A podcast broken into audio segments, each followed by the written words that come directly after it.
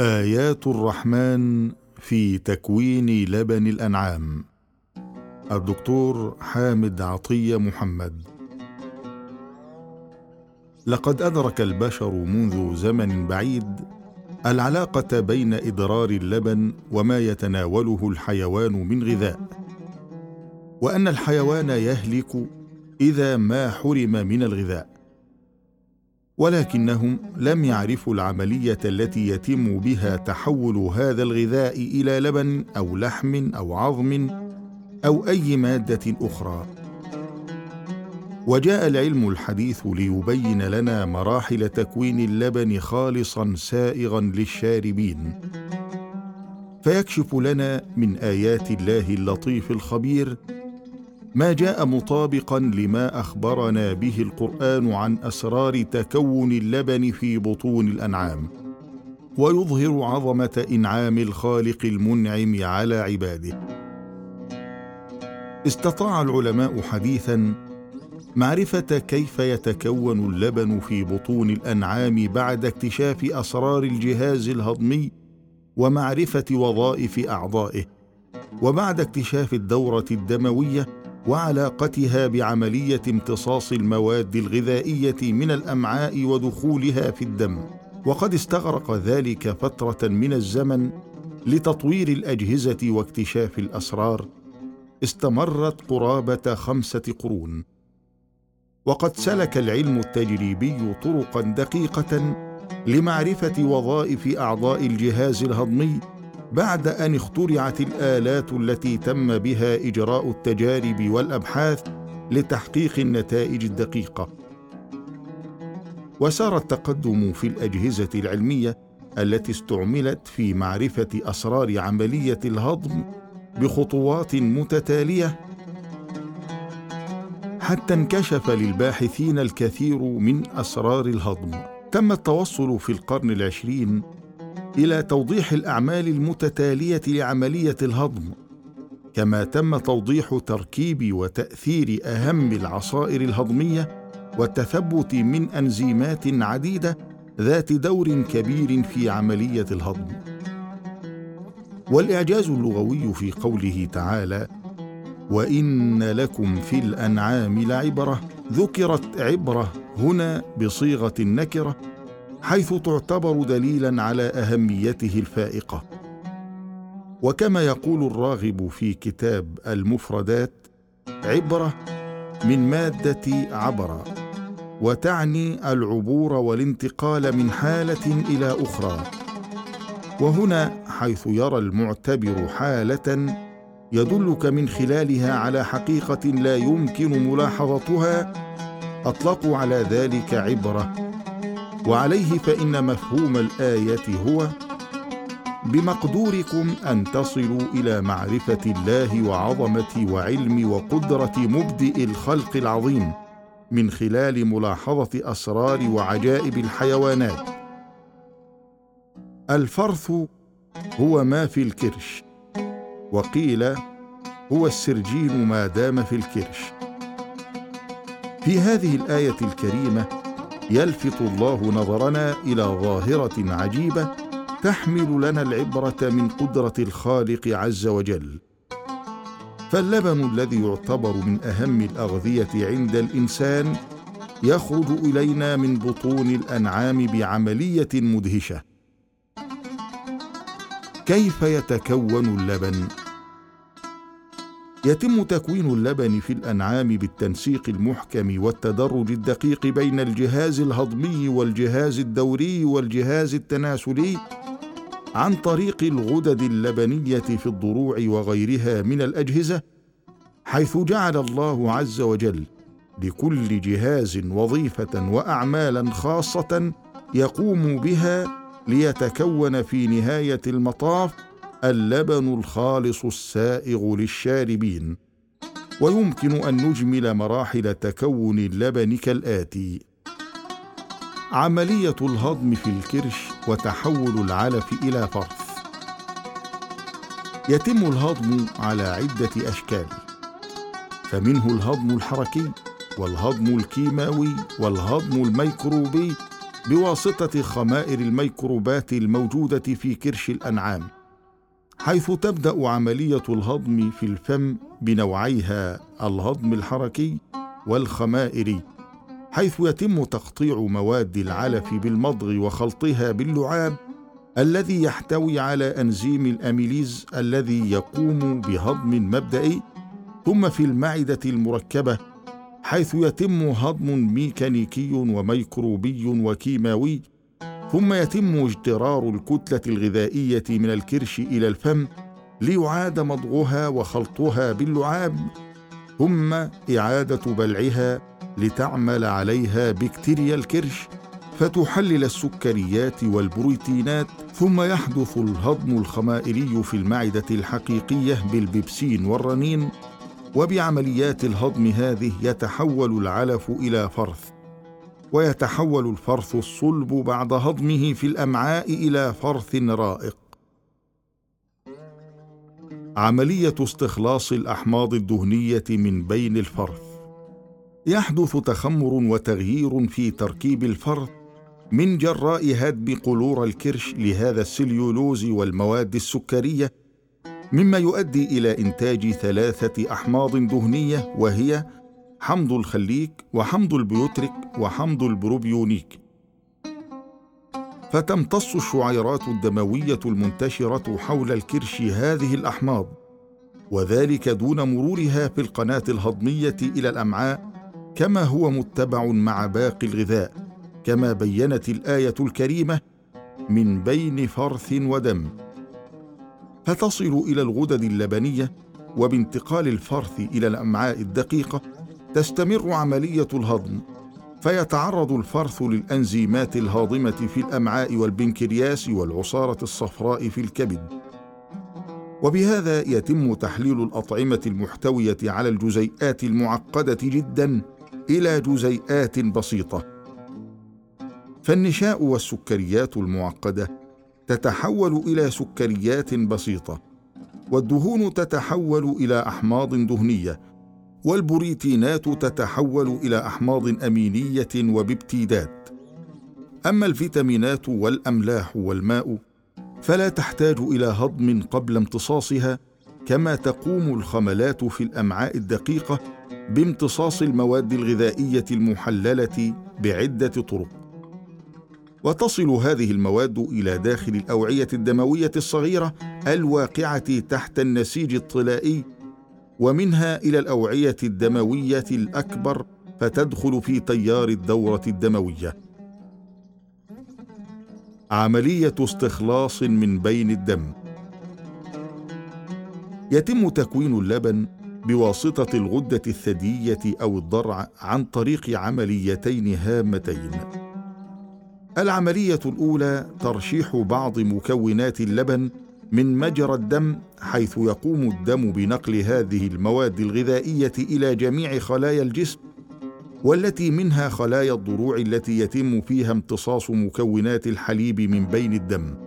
حمض الخليك يقوم بتكوين دهن اللبن وحمض البيوتريك يقوم بتكوين بروتين اللبن وحمض البروبيونيك يقوم بتكوين سكر اللبن. ووجود الدهن في اللبن هو السبب في وجود الطعم المستساغ له.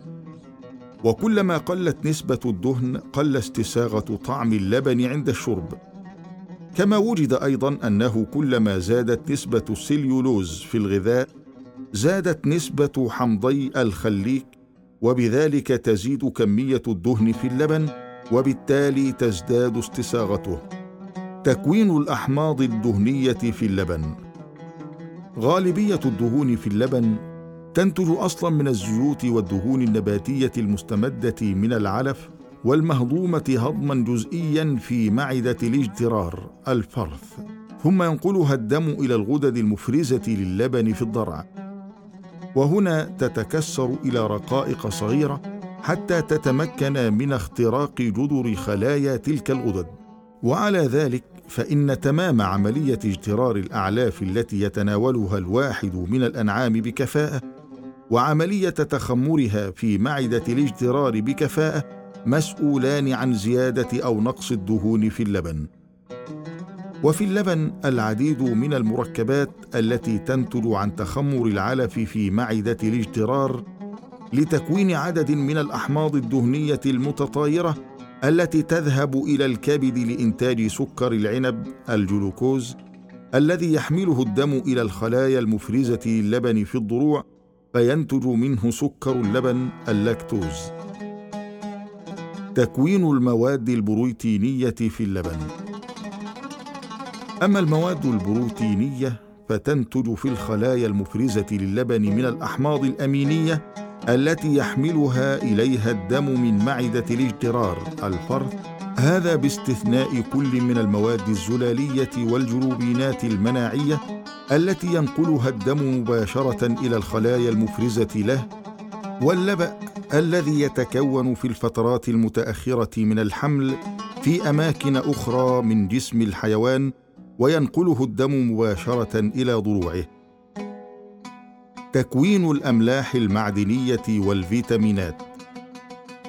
في اللبن العديد من آثار العناصر التي من أهمها الكالسيوم والفوسفور والبوتاسيوم والمغنيسيوم ويليها في الأهمية كل من الصوديوم والكلور وكلها مستخلصة من غذاء الحيوان العلف بعد تخمره في معدة الاجترار الفرث العملية الثانية تركيب مكونات اللبن الأخرى بواسطة التمثيل الغذائي الخلوي. وهي تركيب مكونات اللبن الأخرى بواسطة التمثيل الغذائي الخلوي داخل الأسناخ حيث تمر المواد الغذائية المستخدمة في تكوين اللبن من الدم خلال جدار الخلية. فقد وجد أن بروتينات اللبن تنتج من الترشيح والتركيب معا. حيث إن الكازين واللاكتو والبيومين واللاكتو جلوبيولين غير موجودة في الدم.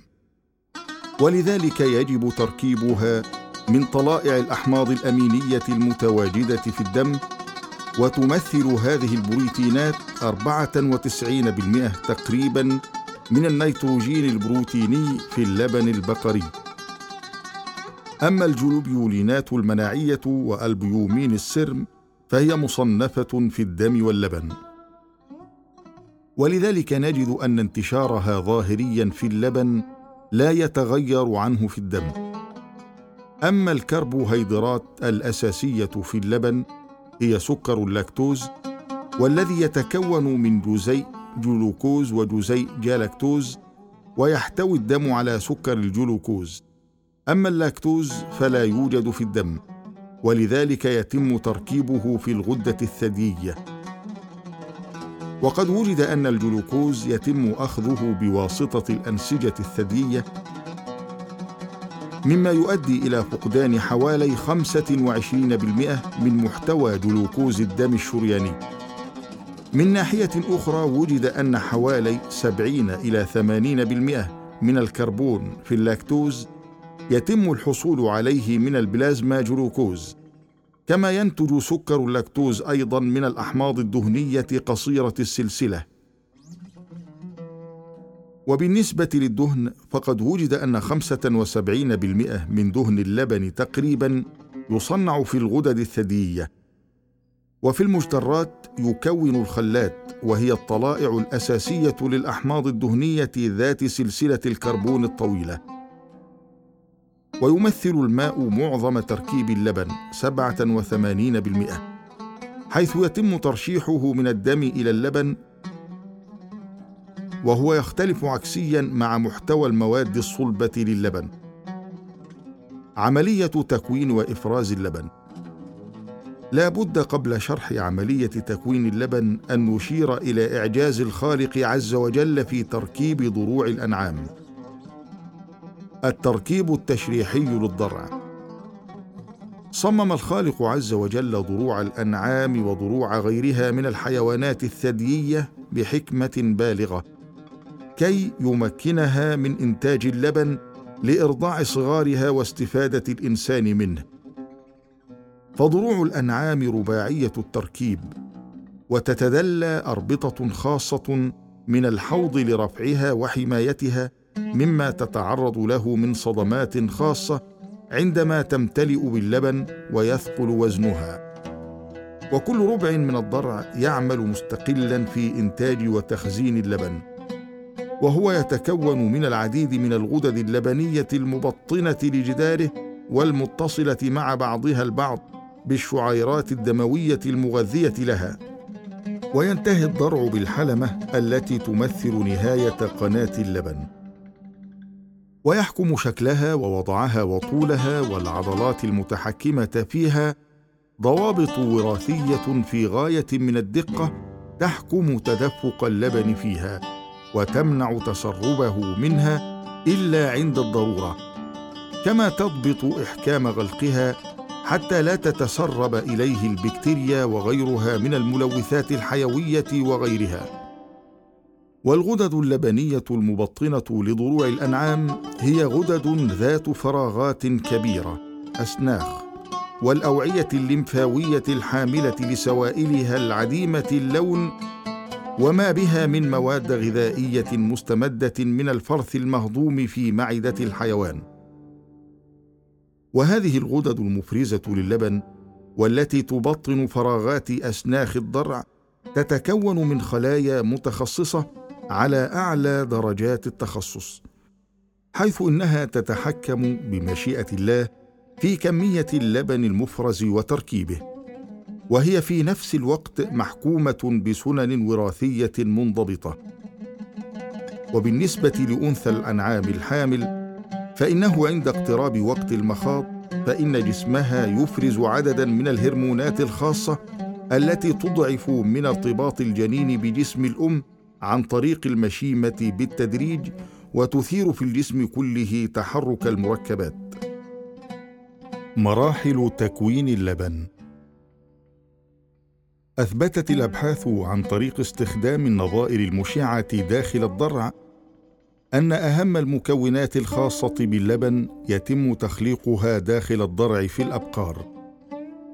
وهناك كثير من مكونات اللبن لم يتم التعرف على طريقة تخليقها في اللبن حتى الآن. وبعض العلماء يعتقد أن هذه المكونات يتم تخليقها على مراحل متتالية ومعقدة من الصعب تتبعها حتى الآن. وفي الواقع فإن عملية انتقال المكونات من الدم إلى اللبن تخضع إلى عدة عوامل منها ألا يزيد ضغط اللبن داخل البصيلات عن ضغط الدم داخل الشرايين المغذية لها؟ وذلك لضمان استمرارية انتقال المكونات من الدم إلى اللبن بطريقة طبيعية. وتعتبر عملية الضغط داخل البصيلات من الأمور الهامة التي تؤثر بطريقة مباشرة أو غير مباشرة على سرعة عملية الحليب في المزارع. مرحلة إفراز اللبن. تقوم الحويصلات اللبنية بإفراز اللبن وفيها يفرز اللبن من سيتوبلازم الخلايا المبطنة للحويصلات اللبنية إلى فراغ الحويصلات. ويتم الإفراز تحت تأثير هرمونات البرولاكتين والإستروجين والبروجسترون وبعض الإسترولات المفرزة من غدة فوق الكلية بالإضافة إلى هرمون الثيروكسين ومن أهم العوامل التي تقلل أو تمنع إفراز اللبن أثناء الحمل هو زيادة نسبة الإستروجينات المشيمية أثناء الحمل. مرحلة إخراج اللبن. وفي هذه المرحلة يبدأ خروج اللبن من القنوات اللبنية والفجوات الحويصلية مخزن الضرع عن طريق الحلمات إلى خارج الضرع. وتنظم عملية الإخراج هذه العضلات اللا اراديه المبطنة للقنوات اللبنية والتي تقع بدورها تحت تأثير هرمون الأوكسيتوتسين. والذي يفرز من الفص الخلفي للغدة النخامية. ويحتاج تفريغ اللبن من الضرع إلى رفع الضغط الداخلي للغدة اللبنية وفتح قناة الحلمة. وتتم هذه العملية بتأثير الجهاز العصبي والهرموني للحيوان حيث يبدأ بتعرض الحيوان عادة للمنبهات المختلفة المصاحبة لعملية الحلب. مثل أصوات جرادل الحليب أو ماكينة الحليب الآلي أو صوت الحلاب وخلافه مما يصاحب عملية الحليب وسبق أن تعود عليها الحيوان. ينقل تأثير هذه المنبهات إلى الهيبوثلاموث الذي ينقلها عن طريق الألياف العصبية إلى النخامية الخلفية التي تفرز بدورها هرمون الأكسيتوتسين في الدم. يصل هذا الهرمون الأخير إلى الخلايا المغلفة للبصيلات التي تنقبض لتفرغ محتوياتها في الغدة اللبنية مما يزيد من الضغط داخل الغدة ويدفع اللبن بالتالي نتيجة عملية الحلب وفتح قناة الحلمة إلى الخارج. وفي حالة انزعاج الحيوان نتيجة أي مؤثر خارجي فإن ذلك يؤدي إلى انخفاض الضغط داخل الغدة اللبنية مما يستحيل معه تفريغ الضرع للبن. ويرجع ذلك إلى إفراز هرمون الأدرينالين الذي يؤثر على خفض الضغط الداخلي للغدة. وعادة ما يزول إفراز هذا الهرمون بزوال المؤثر حيث يعود الضغط داخل الغدة إلى ما كان عليه في الحالة الطبيعية. وبالرغم من أن هذا الجزء من الضرع يختزن كمية لا بأس بها من اللبن يظل جزء كبير من اللبن الكلي موجودا عند الحلب في فراغات التخزين الصغيرة والقنوات الشعرية وتجاويف الأنساخ والخلايا الطلائية المفرزة. وقد قدرت بعض الدراسات متوسط ما ينتجه كل ربع أمامي بحوالي عشرين بالمئة من اللبن. بينما ينتج كل ربع خلفي حوالي ثلاثين بالمئة. في حين ينتج النصف الأيمن والنصف الأيسر للضرع كل على حدة حوالي خمسين بالمئة تقريبا مع وجود تباين فردي من حيوان لآخر. وجه الإعجاز في تكوين اللبن. ما كان أحد يعلم قبل اكتشاف أجهزة التشريح في القرنين الماضيين أسرار ما يجري في الجهاز الهضمي عند الحيوان والإنسان ووظائف ذلك الجهاز المعقد وعلاقته بالدورة الدموية ومراحل تكون اللبن في بطون الأنعام. فلما تكاملت صناعة الأجهزة والتجارب العلمية عبر قرون عرف الإنسان أن مكونات اللبن تستخلص بعد هضم الطعام من بين الفرث وتجري مع مجرى الدم لتصل إلى الغدد اللبنية في ضروع الإناث التي تقوم باستخلاص مكونات اللبن من بين الدم دون أن يبقى أي آثار في اللبن من الفرث أو الدم. وتضاف إليه في حويصلات اللبن مادة سكر اللبن التي تجعله سائغا للشاربين. هذه الأسرار كانت محجوبة عن البشر فلم يكتشفوها إلا بعد رحلة طويلة من التجارب والبحوث العلمية التي استغرقت قرونا واستعملت فيها أجهزة صنعت لأول مرة على أيدي الباحثين لم يكن لها وجود عند البشر قبل ذلك. ولكن القرآن الكريم كشفها أمام قارئيه بأجمل عبارة وأوجز لفظ قبل ألف وأربعمائة عام.